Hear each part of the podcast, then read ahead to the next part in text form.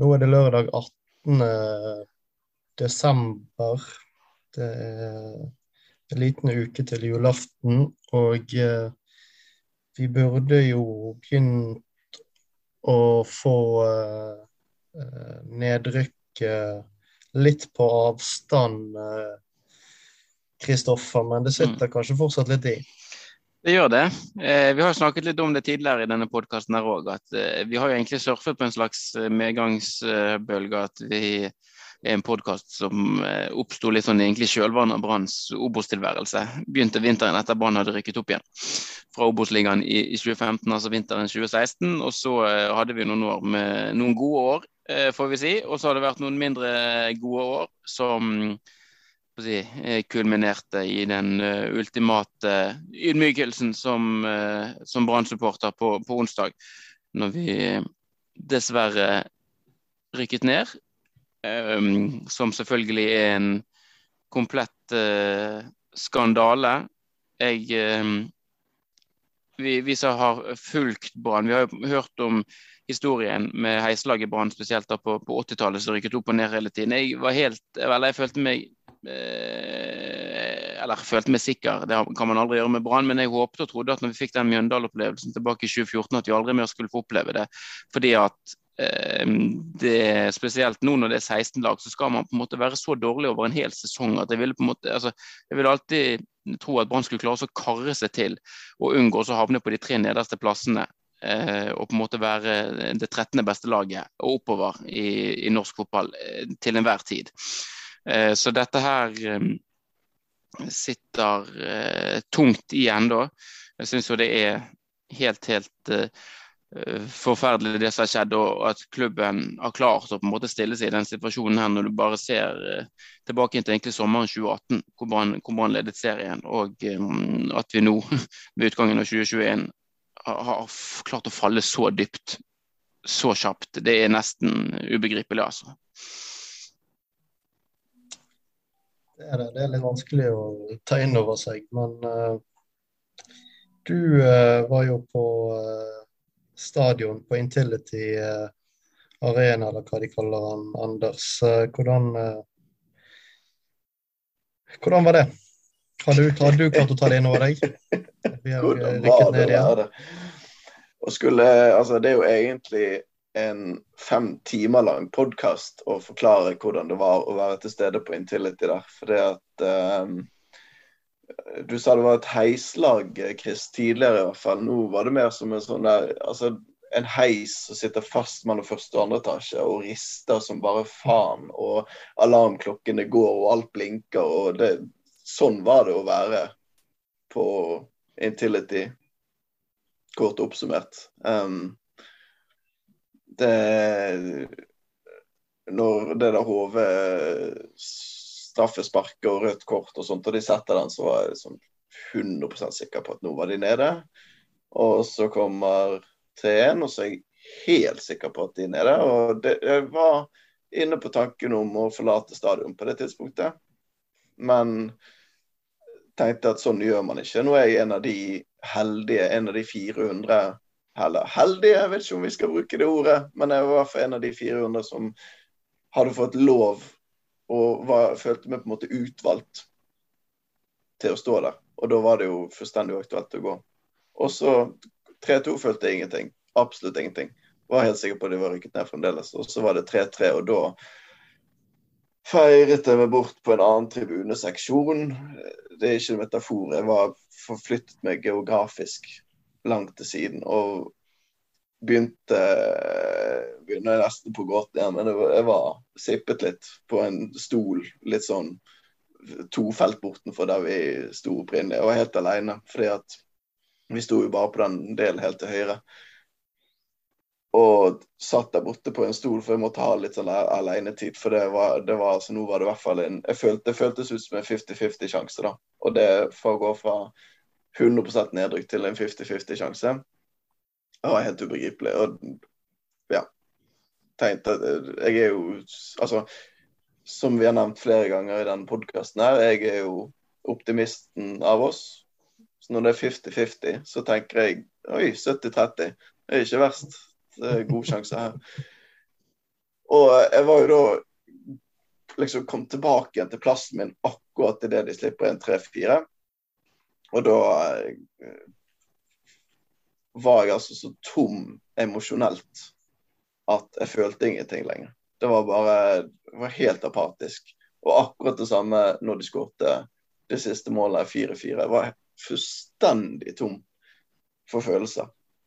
Satt der, hadde ikke det var, det var, ikke noe som helst glede, nesten. For det at det, Eller hvis jeg, hvis jeg hadde én følelse, så var jeg litt sint og provosert over at eh, voksne mennesker, 22 voksne mennesker pluss tre dommere, som for så vidt ikke gjorde noe feil, de, men i hvert fall de voksne menneskene som var ute på fotballbanen der, at de tillater seg å påføre eh, sånne ja, jeg kalte det på Twitter for et emosjonelt overgrep. Det,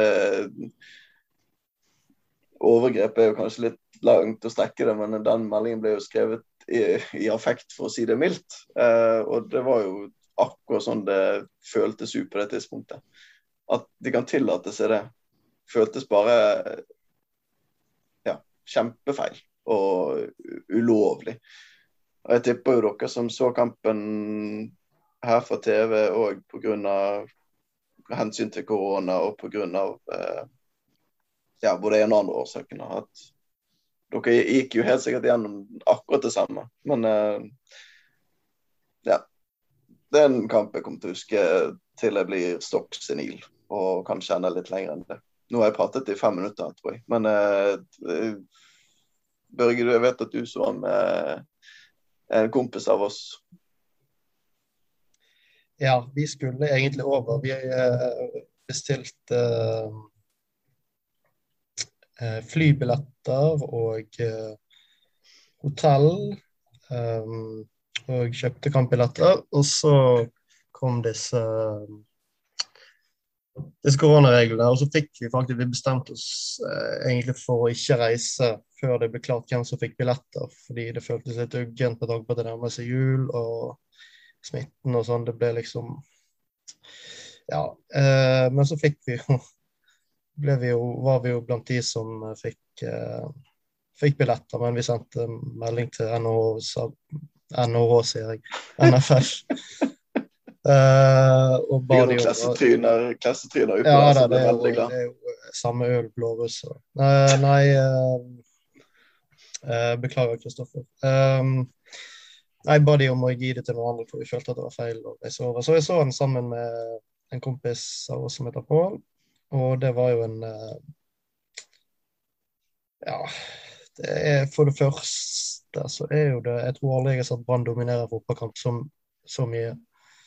Uh, de første 90 minuttene der. Det var helt så realistisk. Uh, ikke at de hadde så vanvittig mye sjanser, men det banespillet var jo helt Men det var jo sånn som så det har vært i hele året. Brann er elendige til å til å, å, omsette sjanser, og det ble jo helt absurd med de to straffene de brant. og Det var jo bare den perfekte avslutningen på en grusom, helt jævlig sesong. Og så fikk vi de der eh, ekstraomgangene så var Det var eh, eh, Ja, jeg vet ikke om jeg skal kalle det et overgrep, men jeg skjønner jo veldig godt hva du mener, for det var en eh, en, en rundtur uh, og en berg-og-dal-bane og en Ja, det var veldig tungt, rett og slett. Uh, det spekteret av, av inntrykk man ble utsatt for der. Og så gikk det det måtte i i straffesparkkonkurransen. Både med tanke på at det er Brann vi snakker om, og med tanke på hvor dårlig vi har vært på straffer, vi hadde brent to straffer tidligere i kampen, så var det jo Det var jo sånn det måtte gå. Jeg tror liksom at folk som hører på denne podkasten, sikkert kan kjenne seg litt igjen. Men dette er jo noe som jeg ikke tør å si til normale, oppegående mennesker. Men jeg har jo vært igjennom samlivsbrudd hvor jeg har kanskje grått i to dager i strekk. Eh, dette var, altså, det var, Jeg var fremdeles mer tom for følelser etter det fire-målet. Så altså, det, det, det, det, høres sikkert litt morsomt ut, og jeg sier jo det litt som at jeg smiler litt så forsiktig, men det er faen meg akkurat sånn det føltes ut. Jeg, var, jeg får klump i magen av bare å tenke på noe. Ikke fordi at det, ikke fordi at det er så forbanna trist at Brann rykker ned. Det, er fotball, og livet går videre. og Forhåpentligvis rykker vi opp igjen neste år, kanskje om to år, i verste fall. Eh, men at det skjer på den måten det gjør på, det er jo det som gjør at man blir bare helt blir, det, ja, det er noen som leker med følelsene dine, føles det ut som. Selv om det er jo ingen som gjør det med, med vilje. Eller hva, Kristoffer? Nei, det gjør jo ikke det. Men det føles jo som vi har blitt eh, pålagt utrolig mye. på en måte, altså Jeg bare merker på mitt eget hjerte og på en måte på, eh, altså nesten på mitt eget indre hvor mye mer behagelig det egentlig hadde vært hvis bare det rykket ned opp i Bodø der. Altså sånn, når vi For alle praktiske formål egentlig er nede store deler av den kampen. Får jo på um, mirakuløst vis med uh, en utligning på siste spark på ballen der. Og så eh, har du hele den uken med oppbyggingen til den Sarpsborg-kampen. Måtte du gå rundt i det uvisse. Og en ting er, du vet, Brann har ikke vunnet på alle så mange kamper.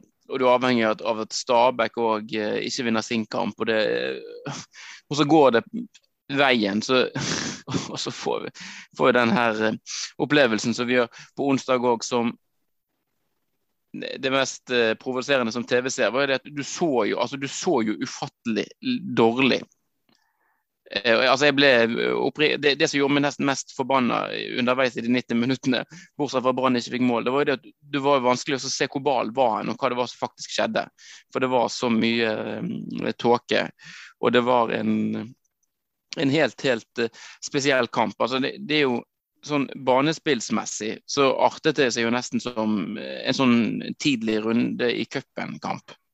Altså, det var jo en helt absurd nivåforskjell på lagene eh, gjennom de, de, første 90 minuttene der. Og det var jo Nei, det var jo helt eh, Hele greiene var jo bare absurd. Men det var kanskje også på en måte en oppsummering av Brann av brannåret 2021, selv om det, det, jo, det, hjelper oss jo ingenting i dag men det eh, nå. Men sånn spillmessig så var det faktisk en ganske god prestasjon.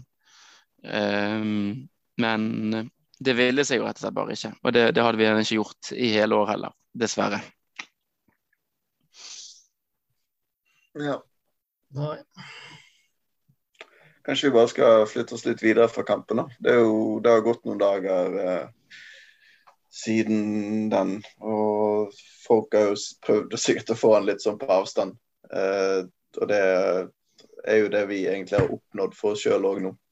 Um, så gikk det jo ikke så lang tid da, før um, Grevstad tok katten og, og gikk. Uh, jeg så en, eh, Det var en som hadde kommentert på Facebook, som hadde en ganske fin kommentar. Uh, det var vel Lurer på om det var Brann sin pressemelding. Uansett så hadde han skrevet Ikke akkurat dette, jeg har formulert det litt bedre, men temaet, eller metaforen, var det samme. Og det er at oppvasken er påbegynt, men vi har bare begynt å skylle av tallerkenene. Jeg syns den var veldig fin. Det var grei. Nå har, det, ja, eh, det gått et par dager, så han satt ikke like godt nå. Men eh, jeg syns den var fin. For det at vi må jo bare anta at de Og det, han fikk jo på en måte rett òg, for etter det så det, har det jo skjedd enda flere, flere ting. Og det vet jeg i hvert fall at dere to er ganske glade for. Eller? Eh, jeg tror jo ikke at Birger Grevstad var det store problemet jeg vet ikke, jeg syns det er vanskelig å mene så veldig mye om det som har foregått i det siste. Fordi det er forskjellige historier om hva som har skjedd og hvorfor det har skjedd. Og man vet jo ikke så veldig mye egentlig om klubbens indre liv og sånn. Men det er um, Noen må jo gå. Jeg bare skulle helst sett at det kanskje var daglig leder som, som gikk, og ikke styreleder. Nå kan jo det fortsatt absolutt skje. Men uh, sånn som narrativet som iallfall BT prøver å bygge, så er jo det en seier til, uh, til Vibeke Johannessen at, uh, at Birger Grevstad måtte, måtte gå. Ja, det har jo vært litt ting som har skjedd, som du er innom, Anders. Så er det jo litt Det må jo kunne sies òg at det er litt spesielt, det som har skjedd. For ut fra det som vi Våre kilder blir i, i, stor grad egentlig det vi kan lese gjennom avisene. Det virker det jo som at det, man, det det blir referert til, er at Birger Grevstad eh, spurte om Brannstyret hadde tillit til han. Han stilte spørsmål som han egentlig ikke var eh, tvunget til å stille. Fordi at eh, en, altså en, en, styreleder blir jo valgt av generalforsamlingen og klubbens medlemmer. Åpenbart en stor fordel å ha tillit blant styremedlemmene, men det alene uh, kan vel ikke velte han som styreleder. Eh, men så tok han jo hintet når det var når stemningen var sånn som den var. Og det, men det som har skjedd i, i etterkant òg, som eh, selvfølgelig har en, en konsekvens av det. En, ting er jo det at Geddi forsvinner ut, men det er jo pga. habilitetssaken eller det at han er trener. Det er jo en helt absurd greie, det òg, egentlig. da. Men at han ikke kan sitte i Brann-styret fordi at Brann sitt andre lag er i samme avdeling så hans eh, så det laget som han er hovedtrener for. Um, det er sikkert sånn eh, det er sikkert velment uh, lovverk, men uh, det virker En ting hadde nå vært hvis han si, var trener i Åsane, da kunne man jo skjønt det. Uh, men dette er jo tross alt andre laget. Men la gå. det er sånn regelverket er, så han, han, måtte jo ut uansett. Men så er det jo varamedlem, han Espen Brochmann, som da ble ordinært styremedlem når Geddi forsvant ut. Han òg trakk jo seg etter veldig kort tid. Så nå er det jo Eh, det er jo ikke så veldig mange igjen i, det styret. Fortsatt er De på en måte, de kan fortsatt fatte vedtak, men det er vel òg en del som har oppfordret til et ekstraordinært uh, årsmøte kjapt for å uh, få et fulltallig styre. Fordi at klubben skal fatte ganske store og, og viktige beslutninger fremover. Og det styret som blir valgt på årsmøtet, det vil jo fortsatt være en del måneder ned i veien før, før det er klart. Så det er jo en, en spennende tid eh, eh, for, for Brann, eh, dette her. Og eh, man kan jo, Det blir jo bare spekulasjoner, da, men det, er jo på, det, det kan jo virke som at styret har vært litt delt. Og at uh, ulike deler av styret har uh, hva skal jeg si, uh, At de som er mest enige, kanskje er de som er, sitter igjen nå. For det er jo vanskelig å på en måte tolke annet ut av den der Brochmann, at han trer ut. Annet enn at han må være ganske uenig med en del ting som har, eh, som har skjedd i det siste.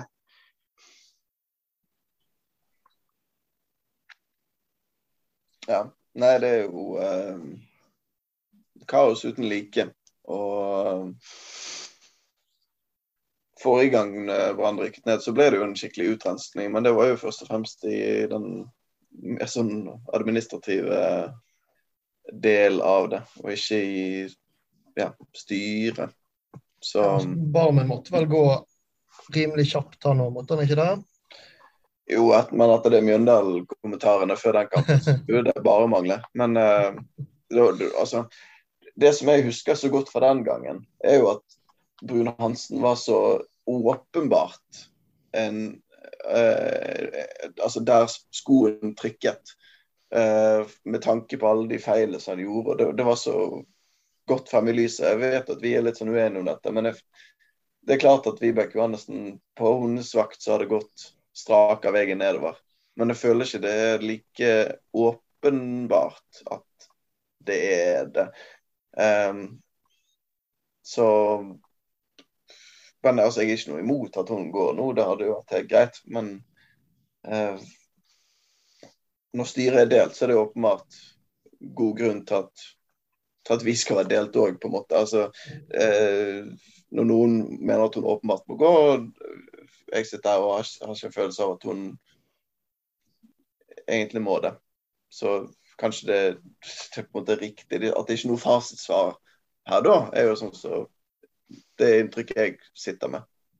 Men det er på en måte, det er vanskelig for meg eh, Nå kommer det til å komme en liten sånn Det, til, det blir jo liksom gjentatt en del av de andre tingene som er satt. Men det, jeg føler det er vanskelig for meg som Brann-medlem og Brann-supporter å ha tillit til at uh, Vibeke Johannessens og klubbens øverste leder og en del styremedlemmer som har vært med nå på hele nedturen, at at de skal være de rette folkene til å få Brann på rett kurs igjen. For det det har vært en en måte Det er nær sagt en sånn Det er en styrt nedtur, dette her. Fordi at man har med åpne øyne først dette, hvis, hvis, man går gjennom på en måte listen bare egentlig i 2021, så er den listen mer enn lang nok, mener jeg, for uh, Vibeke Johannessen til at hun har vist det som uegnet som Branns daglige leder. Det begynte jo tidlig på året med kunstgress-saken. Så var det det med, med Rune Soltvedt og sparkingen der. Så var det en del ting som ble gjort eh, som på en måte eh, har forplantet seg. altså Blant annet løsningen på Branns stopperkrise og på en måte hele den eh, spillerlogistikken som var gjort der, er jo en komplett skandale. Det var denne veldig merkelige kontrakten til Kristoffer Barmen på fire år som ble, ble forlenget av Vibeke Johannessen. Du har hatt et nachspiel som ble dårlig håndtert.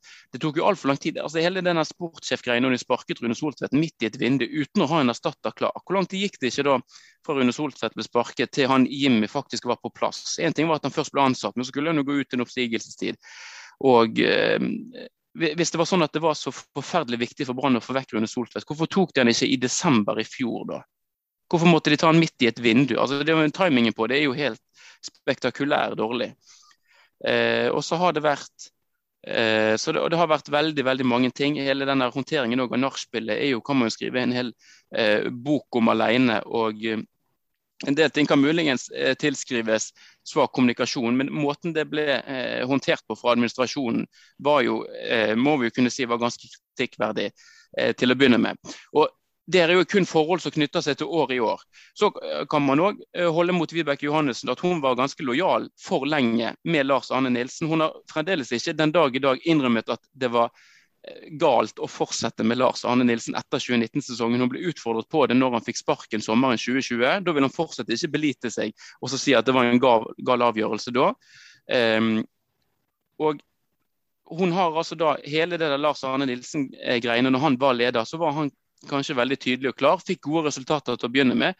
Men Brann har jo, hvis du ser på omtrent nesten alle andre norske lag, så har de drevet med en, en spillerrekruttering og utvikling som er mye mye bedre enn Branns. Brann eh, drev og kjøpte veldig mange etablerte spillere som kom enten fra andre steder i landet, eller var utenlandske spillere som kom på ganske gode og feite kontrakter.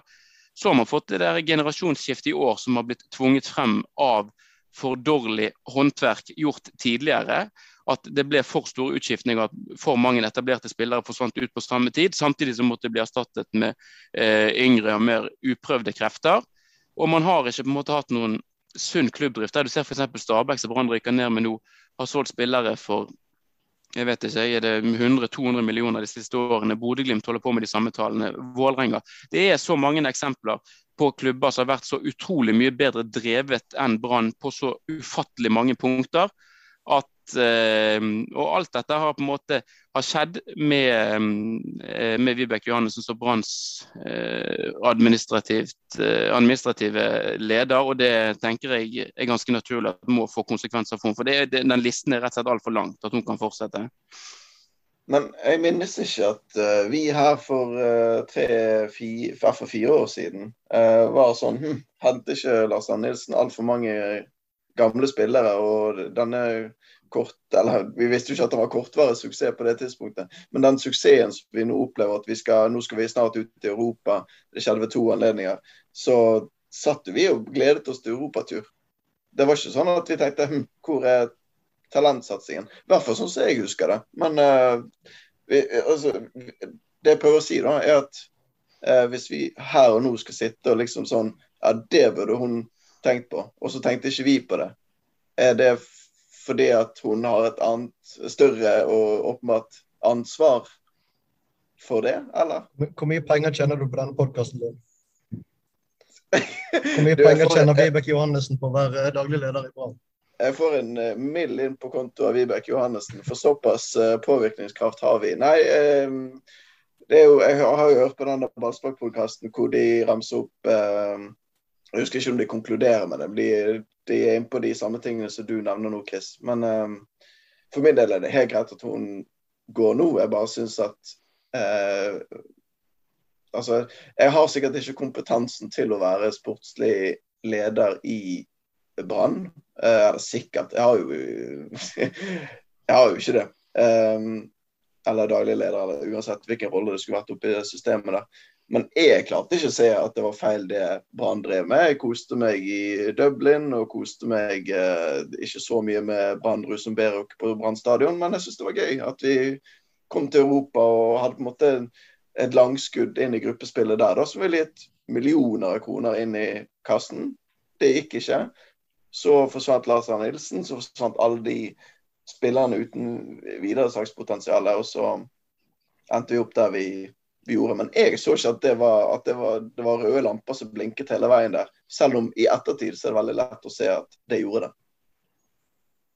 Det skjedde jo det samme. Også for at vi ikke vant seriegull denne gangen, så kan man jo dra paralleller til uh, eh, 2007 og det som skjedde etterpå der, når vi ikke kom oss inn i, til Champions League i 2008, så falt jo uh, falt jo alt sammen der og disse 30-åringene på millionkontrakter forlot klubben uten noe penger, og Brann ikke, ikke hadde mulighet til å erstatte dem med like dyre spillere, så ble det jo men det som er litt forunderlig med det òg, det er jo det at det er bare å se på omkringliggende eh, klubber. Altså se, ta sånn så, altså Bodø-Glimt er åpenbart ett eksempel, men kanskje er det litt sånn søkt, fordi at de er på en måte inne på en sånn kjempesti. Men altså Sarpsborg er jo ikke noe sånn sportslig sett eh, topplag. Heller ikke det eh, Stabæk. Det, det, altså, det, er jo på en måte ok, Kanskje er Bodø-Glimt liksom primalaget i, i, Norge nå, men altså Sarpsborg og Stabæk går det i hvert fall an å sammenligne seg med når man snakker om altså spillerutvikling og eh, det å selge eh, dyrt å kunne tjene penger på det. For Brann har jo òg uttalt det at de ønsker en større uavhengighet til, eh, til Trond Moen, at man på en måte ønsker å stå mer på egne bein økonomisk. Men altså, vi, vi selger jo ikke spillere sånn som andre gjør. Ikke i det hele tatt. Og klart, Så lenge man har litt sportslig suksess, så kommer man kanskje unna med det. Men det har jo vært en ganske sånn lang sportslig nedtur her. og det, det burde jo noen, eh, De ansvarlige burde jo på en måte eh, sett en del eh, tendenser og tegn, og tord å, være litt hardere i klypen.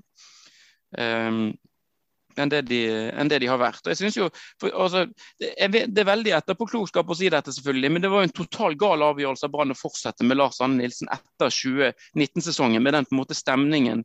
Eh, så var også skjøv man på en måte bare problemet foran seg. Man eh, lot Lars Anne Nilsen få en hel oppkjøring og eh, få lov til å hente inn de eh, spillerne som man ønsket. Eh, og, eh, måtte, eh, kanskje også ble på en måte, altså Hele, hele håndverket i utgangspunktet var vanskelig. og så Plutselig så endte det opp med å dra inn sånn som Ali Hamad som kom inn for eksempel, da, før 2020-sesongen. Eh, fordi at man hadde en ny, ny keeperkrise. Vegard Forren kom plutselig seilende på en fjøl fra, fra Molde, litt sånn helt ut av det, ut av det blå. Eh, at ting har ting har på en måte forplantet seg, og på en måte man har ikke hatt en altså, he, altså hele ansvaret isolert sett ligger jo ikke på Vibeke Johannessen, men hun har ikke klart å få, en, eh, få brannorganisasjonen og på en måte få den satt sammen på en god nok måte. Da, fordi Det er ikke hun som skal gå ut og finne alle de gode spillerne, men hun må sørge for at Brann har de ansatte med et, et sportslig apparat, med speidere og eh, et nettverk som gjør Brann får fatt i de gode spillerne det er jo det som er på en måte man skal trekke i de, i de store, tegne de store linjene.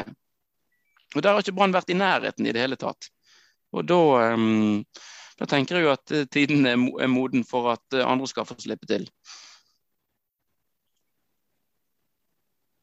Ja. ja. Nei, men eh, som sagt, det er ikke noe meg imot at vi skifter, at vi skifter ut Vibeke Johannessen nå. Det er ikke det. Men det, bare, jeg føler vi, det som kanskje gjør det litt vondt, er jo at jeg og hun har vært i samme båt på ganske mange punkter. Både når det gjelder kunstgress og eh, Lars Arne Nilsen, at han fikk sitte så lenge som han gjorde. Nå har jo ikke det gått fryktelig mye bedre med de trenerne som har vært der siden, men det kan vi jo selvfølgelig peke på spillerlogistikken til Lars Arne Nilsen. At det er kanskje litt derfor det har gått til helvete. Men eh, det er kanskje derfor det smerter, eller det, det har sittet så langt inne for meg å si eh, farvel til Vibeke Johannessen, fordi vi er like jævlig inkompetente begge to. Eh, at det der skoen trykker, det vet jeg ikke. Men det er også kanskje også fordi at det, eh, du merker på henne at hun er jo så dritglad i Brann. Og det er jo alle vi òg. Og ikke at det at det emosjonelle aspektet eh, skal telle eller veie nesten noe som helst. Men eh, det er jo sånn som de, de, de sier det på ballspark òg, og det kommer jo frem eh, altså, overalt at de gjør jo absolutt alt de kan for at Brann skal bli et best mulig fotballag, og så lykkes de ikke. Og da er det kanskje Det er kanskje For min del da, så er det jo da vanskeligere å bare sånn slenge de på dør og si takk eh, for innsatsen. Det var ikke godt nok når du har jobbet eh, dag og natt, virker det som. Men eh, det er klart, når de, med de resultatene som har vært de siste ja, etter hvert fire årene, så det er selvfølgelig det, det er jo ikke bra nok. Det er jo ikke det. Altså En del av de karakteristikkene som du kommer med nå, det var jo akkurat det samme man sa om Brun i sin tid òg. Altså enorm arbeidskapasitet. Og, altså Misforstå meg rett, Vibeke Johannessen har gjort en, en, veldig god jobb eh, for sportsklubben Brann, spesielt på den tiden hun kom inn, hvor det var på en måte behov for en eh, opprenskning. og på en måte har jo det er ingen som mistror. Altså, jeg går ikke rundt og tenker at hun ikke vil Brann noe vel. Jeg tror Brann er det aller viktigste i livet hennes. og Hun gjør alt det som står i, i hennes makt. Men det, av og til så må man jo strekke hendene i været og på en måte si at eh, dette er ikke godt nok. Dette har ikke man på en måte klart å, å fikse. Og det, det, kan ikke bare være sånn at fordi at man har sånn enorm arbeidskapasitet og så en, eh, enormt eierskap til det man holder på med, at man skal få holde på i det uendelige heller. Fordi at det er tross alt en, eh, altså en av byens viktigste institusjoner, dette her. Og da, er på en måte, da må det være stilles større, stilles større, krav og på en måte være en høyere kriterieliste enn at man har stor arbeidskapasitet og er glad i arbeidsplassen sin. Nå har jo ikke akkurat Vibeke Johansen blitt rost for sine kommunikasjonsegenskaper det siste året, men sammenlignet med Brun Hansen, så synes jeg i hvert fall at hun kommer bedre ut eh, sånn sett. I hvert fall hvis vi snakker om det, det der med å liksom sånn Ja, de gir alltid alt for Brann uansett. Eh, og vier liksom dag og natt og helg og kveld og julaften for å jobbe eh, det aller, for å yte det aller, aller beste for sportsklubben Brann. Altså eh, jeg føler jo, Det føler jeg jo at Vibeke Johannessen gjør. Mitt sånn, altså Ettermælet til Roald Brun-Hansen i mitt hode er jo at han sier midt i en sånn eh, kjempekrise som Brann er i, jeg husker ikke hvilken det var, om han hadde glemt å søke på momskompensasjon eller hva det var han hadde nettopp hadde gjort. Men det var i hvert fall at han ble han tok et oppgjør i media med dette, med den kritikken som hadde blitt slengt etter seg. Og så var det bare sånn Han skulle nå på hyttetur i helgen, og der var det ingen som syntes at han var idiot. Og det er liksom sånn, det, det er det det er det inntrykket jeg sitter med. At nei, han, når ting eh, kniper, så eh, blir han litt sånn snurt og stikker på hytten, liksom. Ja. Så mm, det, det kan godt hende Vibeke Johannessen har vært på massevis av hytteturer i år. Og det er vel unt, selvfølgelig. Men eh, det er et eller annet med ja. Jeg kommer til å huske Vibeke Johannessen som er mye bedre leder enn uh, Roald Brun Hansen. Hvis hun forsvinner, men det kan jo tyde på at hun ikke gjør. Men uh, ja. Ja, altså de, de, første årene hennes så var hun ganske godt likt, og, og da var klubben veldig flink. Og det er sikkert i stor grad uh, Vibeke Johannes sin fortjeneste. De var veldig flinke til å snakke med medlemmene og supporterne, og de klarte å få uh, bl.a. den uh, tribunebyggingen gjennom som det kunne jo Hvis ikke de hadde gjort en skikkelig god jobb der med å forankre det, så hadde jo det blitt en stor uh, ja, uh, en stor greie og masse spetakkel. Men de, de, bygget veldig mye broer og var veldig flinke med omgivelsene. Men så var det nesten som det sa stopp på et tidspunkt. At de sluttet å høre på folk rundt seg, og at de, de sluttet å, å, ta hensyn til hvordan denne byen og denne klubben egentlig fungerer. Og da har hun kommet ganske dårlig ut sånn rent kommunikasjonsmessig de siste par årene. Men jeg eh, Altså, det er ikke noe tvil om at hun vil klubbens beste, og hun, eh, jeg tror man i mye større grad kan mistenke, hvis du kan sammenligne med Råbrun Hansen, det var mye lettere å mistenke han for å legge personlig prestisje i det enn hva det kanskje er med Vibeke Johannessen. Uh, og så er det jo som Kristoffer sier, at det ikke det er ikke nødvendigvis nok med enorm vilje og, eh, og kjærlighet til klubben. Det må Man må gjøre de riktige tingene også. Nå har det vært såpass mye, og ja, det ser jo ikke ut som hun ryker med det aller første, men jeg er litt overrasket hvis hun fortsatt er daglig leder i Hvis hun er daglig leder hele 2022, i hvert fall. Ja, men det virker jo litt som at, uh, sånn som vi har vært litt innpå, da, men at det er et litt uh, litt Vibeke-vennlig styre som sitter igjen nå, og at det er nesten kanskje sånn at hvis hun ikke føler at kjøret blir for mye, og det er jo mange nå som mener at hun må gå, de aller, aller fleste. At hun ikke trekker seg pga. at hun sjøl kjenner på det. Så kan det nesten ja, virke som blir sittende. Men det styret kommer jo til å se helt annerledes ut etter uh, altså Én ting er at man skal ha tre nye inn, men en annen ting er jo at i hvert fall én Jeg vet ikke hvor mange, i hvert fall Christer Hoaas er på valg. Jeg vet ikke om det er flere i styret. altså Det, det kan skje ganske mye med det styret om etter det, et eventuelt ekstraordinært og ordinært årsmøte. Så den maktbalansen kan skifte seg fort hvis medlemmene finner ut at, uh, at, uh, at, noe må gjøres. Hvis, vi, hvis, ikke man er fornøyd med, med, det som skjer denne vinteren. Men jeg skjønner veldig godt hvis hun uh, venter på det og ikke velger å trekke seg sjøl. Hvis jeg hadde uh, rykket ned på fotballmanager med så mange unge, lovende spillere, så hadde jeg syntes det var ganske kjipt å måtte forlate jobben istedenfor å ta de opp igjen til uh, serien der de hører hjemme. Men dette er jo, Brann er jo òg et uh, sirkus, sant? og det er liksom som Børge innom her. og Nå blir det kanskje et ekstraordinært årsmøte. Det kommer i hvert fall et ordinært årsmøte hvor det skal eh, sikkert skal være valg. Eh, og så er det jo litt sånn Hva tør eh, både sittende eventuelt det som måtte komme inn av styret eh, på et ekstraordinært årsmøte, hva tør de å foreta seg og ikke frem til et uh, ordinært årsmøte? For det kan jo potensielt bli Eh, hva skal jeg si, når Stemningen er jo sikkert litt sånn delt for å si det forsiktig i Branns medlemsmasse rundt hva, hva styret bør foreta seg.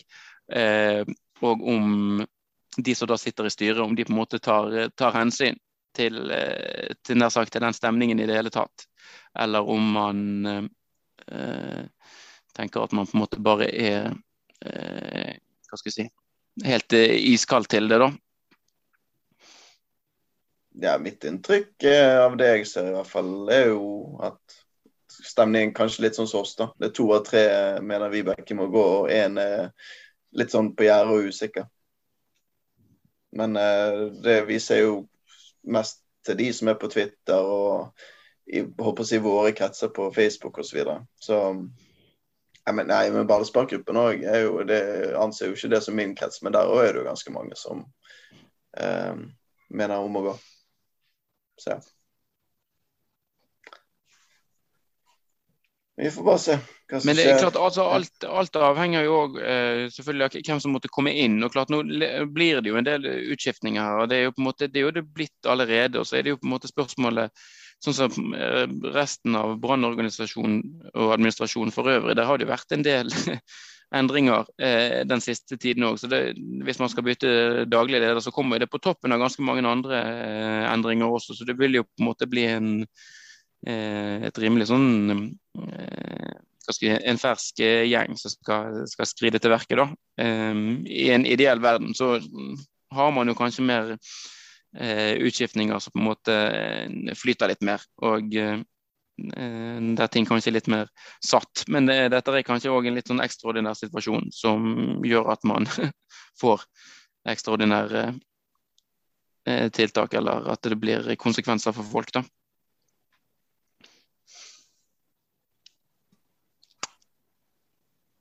Ja. Nei, det, det, er klart. Altså, for, at, for, at, jeg skal synes at det det er nyttig å um, erstatte Vibeke Johannessen, så syns jeg jo at det, at det, skal være en klar oppside med det. Så må vi jo få inn noen som har mer erfaring enn hun, og som har lyktes i større grad enn det hun har gjort. Ellers får du jo bare inn noen som i likhet med hun kanskje må starte litt på med blanke ark og liksom lære seg jobben etter hvert, sånn som også Rune Soltvedt måtte. Du, du, de får liksom eh, mange mange år til å lære seg hvordan de skal eh, ha yrket sitt. Og så idet de har masse erfaringer og med både opp- og nedturer, så skipper det ut, liksom. Det går jo ikke. Vi må jo altså, Men er vi nå i en posisjon til å få noen som har mer erfaring og mer suksess enn Vibeke Johansen? Jeg er ikke sikker, men det er jo klart. Man er jo fra Norges nest største by, så jeg skulle tro at de kan. Men det føler jeg vi har sagt i 50 år allerede.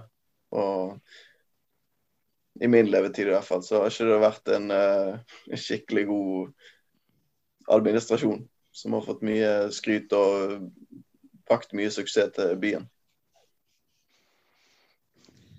Ikke over lengre tid, iallfall. Det har vi aldri opplevd.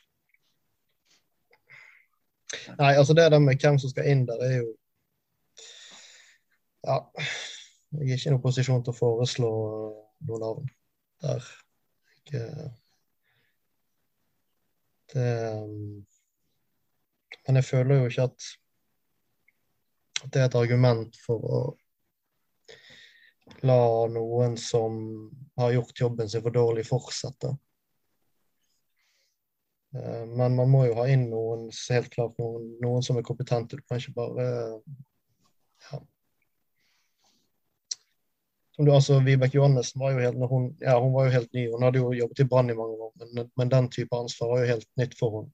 Og jeg syns jo at hun gjorde den jobben bra i begynnelsen. Hun, de hadde liksom en gjenoppbyggingsjobb, og hun, både hun og Rune Soltvedt Eh, skrev til verket med ydmykhet og, og veldig varhet for uh, omgivelsene. Og var veldig uh, klare på at, uh, at de måtte ha med seg hele klubben og, og hele byen. og det er jo kanskje en sånn type ydmykhet man må ha på nytt igjen, da. Men ja. Jeg vet ikke om man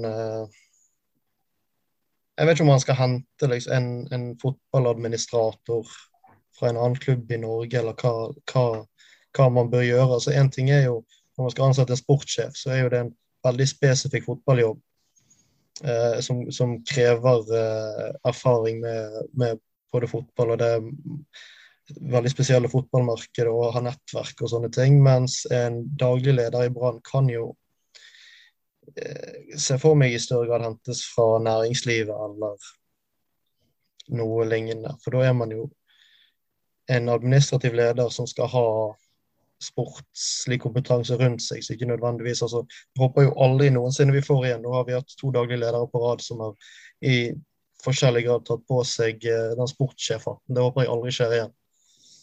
For Roald Brun Hansen var jo feil på det. Der. Nå fikk uh, Vibeke Johannessen prøve seg på det i år, og det førte jo til nedrykk. Så jeg håper at, uh, at uh, vi er ferdig med det nå. Mm. Ja, vi er ferdig med denne sesongen. Neste år så er det Obos-ligaen. Um, Eh, det er nok en eh, For meg som bor på Østlandet i Oslo, så er det ikke så halvgale. Det er jo til og med kamp i nabolaget mitt i Grorud her, så det, det blir jo kjempemessig. Og Sogndal kamp blir det. Åsane tur. Eh, det er ganske mange store navn som skal spille i Obos-ligaen til neste år. Så det blir Jeg frykter at det blir veldig vanskelig å rykke direkte opp igjen. Selv om det må jo være det som er som er målet vårt. Hva er deres eh, forventninger til sesongen? Altså Hvis Jerv var nivået, så går vi jo rett opp igjen. du kan ikke si den uh, påstanden uten Tenk det er sikkert i hvert fall sånn tre lyttere hos oss som uh, ikke har fått med seg den uh, håpløse. Det var siste uttalelsen etter Grevstad. Det kommer han til å bli husket for. Den der uh, helsikes uttalelsen der. Herregud, mann. Ja, det, det, var på, det, var på, høyde med det verste fra Brun. Ja, det var pinlig, altså. Fy faen. Det laget som nettopp har senket deg ned i uh, Obos-ligaen, skal du begynne å liksom komme så stikk til de.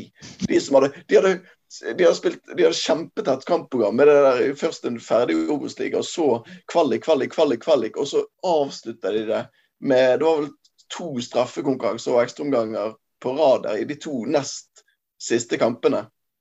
Nei, de to siste kampene, inkludert Brann-kampen. Så det bare sånn Disse her er jo helt ferdige. De er jo helt sluttkjørt. De er jo så slitne at det er så vidt de orker å møte opp på Intility. Så spiller de, ja, litt dårlig fotball, men det skulle pokker meg bare mangle når de, er, når de er så slitne. Jeg tror det var tredje de, ja, Nei, de, de, kom inn i siste kvalikrunden. De, de ble nummer tre i Obos-ligaen. Så det var, det var KFM oh, ja. som hadde hatt en ganske sånn lang uh, reise. Ja, riktig. Um, men de hadde i hvert fall da noen dager før, tre dager før, så hadde de jo hatt den der um, En ny 120 minutter og straffekonk yes, for å kvalifisere seg til kampen mot Brann. Riktig. Og um, ja. Jeg tror de fleste som har spilt 120 minutter med fotball, uh, i hvert fall på vårt nivå, vet at du ikke helt 100% tre dager etterpå da, altså sitter godt i beina, og så skal du ut i nye 120 minutter. Nei. Uansett, det var en forferdelig uttalelse. Det var litt, uh, ja, det var et sidespor. Uh, nei, det kommer jo til å bli knalltøft. Det var jo bare så vidt vi klarte det sist. Måtte ha hjelp fra Sogndal. Etter at Sogndal allerede hadde rykket opp. Uh, og de må jo i mye større grad fyke ut av startblokkene, regner jeg med, enn det de gjorde for syv år siden, og det vi definitivt har gjort i år. Eh, så eh, jeg tror jo Altså, på en måte så tror jeg Horneland kan være riktig mann, men på den andre måten så På den andre siden så er det jo Altså, de kampbildene Brann har slitt med i år, og kampbildet som Brann slet voldsomt med mot Jerv, det kommer man til å få så utrolig mange av det at man spiller mot et lag som legger seg på 20 meter. Og Brann har ikke klart å løse det. Brann klarer ikke å skåre mål. Ja, de får gjerne en del cornere, og så har de ingen som kan slå. Hvor mange cornere fikk vi mot Jerv? Jeg tror vi hadde 20 cornere første halvtime. Det var helt sykt. Men uansett. Det er jo da åpenbart noe de er nødt til å løse. For vel er, er kvaliteten dårligere i Obos-ligaen, men eh, når lag forsvarer seg på den måten, så kommer Brann til å slite. Og eh, Jeg håper Horneland har en eh, idé om hvordan han skal løse det, for det har de ikke klart denne sesongen. Og Det har vært helt forferdelig å se på det grunnen til at de i stor grad rykker ned. Ja. Jeg tror det må være en tidenes uh, Obos-liga som kommer opp nå i, i 2022, sånn rent uh, kvalitetsmessig. Er vanskelig for å se for meg egentlig at det har vært uh, kan ha vært mye høyere nivå på nivå to i Norge uh, tidligere. Og det er jo um, Det blir på ingen måte lett. Det, det gjør det ikke. Eh, Mjøndalen er på en måte et kapittel for seg sjøl eh, for, for Brann sin del. Eh, Stabæk kommer jo ned, men har jo eh, tradisjonelt sett spilt mer eliteserie enn eh, Obos-liga. Har jo litt penger de sikkert kan investere med etter å ha gjort en del gode salg. Eh, så er det en del andre lag som har spilt i Obos-ligaen en stund nå, som virker Du snakket en stund om det eh, for en stund tilbake, Lunum eller Anders, om piler. og på en måte Det å på en måte være inne i hva skal jeg si, ha, et, ha et momentum og på en måte en litt sånn stigende kurve. Jeg har jo inntrykk av at, uh, at Fredrikstad kom seg i hvert fall til en, en playoff i år. Uh, røk riktignok knepent for, for KFUM, men at de er litt sånn kanskje litt på, på gang der igjen. Sandnes Ulf um, og tror jeg har, har, hatt en god på en måte en, en, høst og på en måte ønsker helt sikkert å, å involvere seg høyere oppe på tabellen. Start er jo òg et lag som man um, kan se for seg at uh, tar en del steg sammenlignet med sånn som året i år ble for de, Og så er det jo Sogndal der i tillegg. Så det er egentlig um, det er og så har du Åsane som, noen, som en sånn potensiell minefelt òg, for Brann sin del. Og det er liksom ikke det er ikke så veldig veldig mange bananskall man skal gå på her før det blir skikkelig svett og ubehagelig også til neste år. Ja. Nei, men jeg, jeg liker jo Stahl bedre, men det er jo fordi at den er mer Altså, den er yngre og eh, mer lokal. Men eh, om kvaliteten er bedre, jeg er ikke så helt sikker på. For nå har jeg bladd tilbake igjen til 2015-stallen. Og det er liksom Demidov og Nori og mange klassespillere. Altså Huseklepp hadde vi. Orlov eh, kanskje ikke klassespiller, men han var der. Um, så det blir spennende å se hvordan den gjengen her takler det. For de må jo åpenbart takle det mye bedre enn den gjengen som vi hadde da. Um, så ja. Men utgangspunktet er jo fryktelig likt. Det er et lag som uh, på de underliggende tallene gjorde det bra i Eliteserien, men som likevel rykket ned. Og så gjelder det å snu den trenden med å faktisk klare å vinne kamper, ikke bare spille godt. Og så får vi se om de klarer det. Men um, ja, jeg I 2015 så var det utenkelig for min del at de ikke skulle rykke opp igjen. Og så nå føler jeg jo ikke det, fordi at sikkert pga. den sesongen gikk sånn som det sånn som det gikk. At det liksom det gikk akkurat. Så ja så lenge de rykker opp igjen, så er jeg fornøyd. Og så lenge de beholder to spillere, Seri Larsen og eh, Kniklas, da skal jeg være en glad gutt om ett år. Men, eh, Men ikke før? Ikke før det. Du slipper faktisk å vente et helt år eh, med å få hvert fall, Vi slipper å vente et helt år med å få en fellende dom, ikke vi det, Børge? Har ikke du som hadde sett på hovedterminlisten til Obos-ligaen og så funnet ut at det, det, både begynner til en behagelig tid og i hvert fall slutter eh, til en veldig eh, fin, en fin av, på en fin del av året? Jo, hvis ikke vi får nok en eh, sesong som er eh, utsatt pga. korona, så er vi ferdig 30. oktober. Eh, pluss eventuelle kvalikkamper. Men uh, det er jo akkurat sånn det skal være. Uh, det begynner uh, i begynnelsen av april og, og, har en ganske kort sesong. og det er jo Da ble jeg litt, nesten litt sånn lys til sinns. Det var veldig Ja. Det var en behagelig, behagelig lengde på sesongen. og man slipper antageligvis frost og faenskap på, i hvert fall kampene her i byen. Um, så det jeg, eh, Sånn rent bortsett fra at vi må spille At vi har rykket ned og må spille i Obos-ligaen, så er det jo en del uh, Det kan jo bli en del artige bortekamper. I hvert fall hvis uh, vi ikke får uh, 30 mandagskamper, så kan det jo bli vi har, eh, ja, vi har Sogndal, og vi har Sandnes Ulf, og vi har Bryne, og vi har selvfølgelig Åsane her på, eh, på Vestlandet. Og så er det en del i veldig nærmt Oslo. Så er det Start i Kristiansand. Fredrikstad er jo en veldig kjekk eh, stadion å reise til. Jeg har vært et par ganger. Så det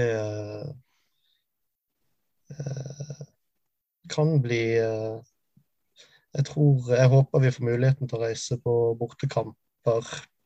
Det har, vært, det har vi av naturlige årsaker vært litt dårlig på de siste sesongene. Så jeg håper at det kan bli en Det er i hvert fall noe å ta med seg til, eh, til neste sesong.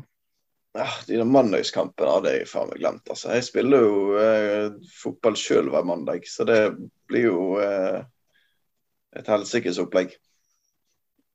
Det, ja, jeg tror ikke det blir så lett å kombinere de to, men eh, ja, sånn er det.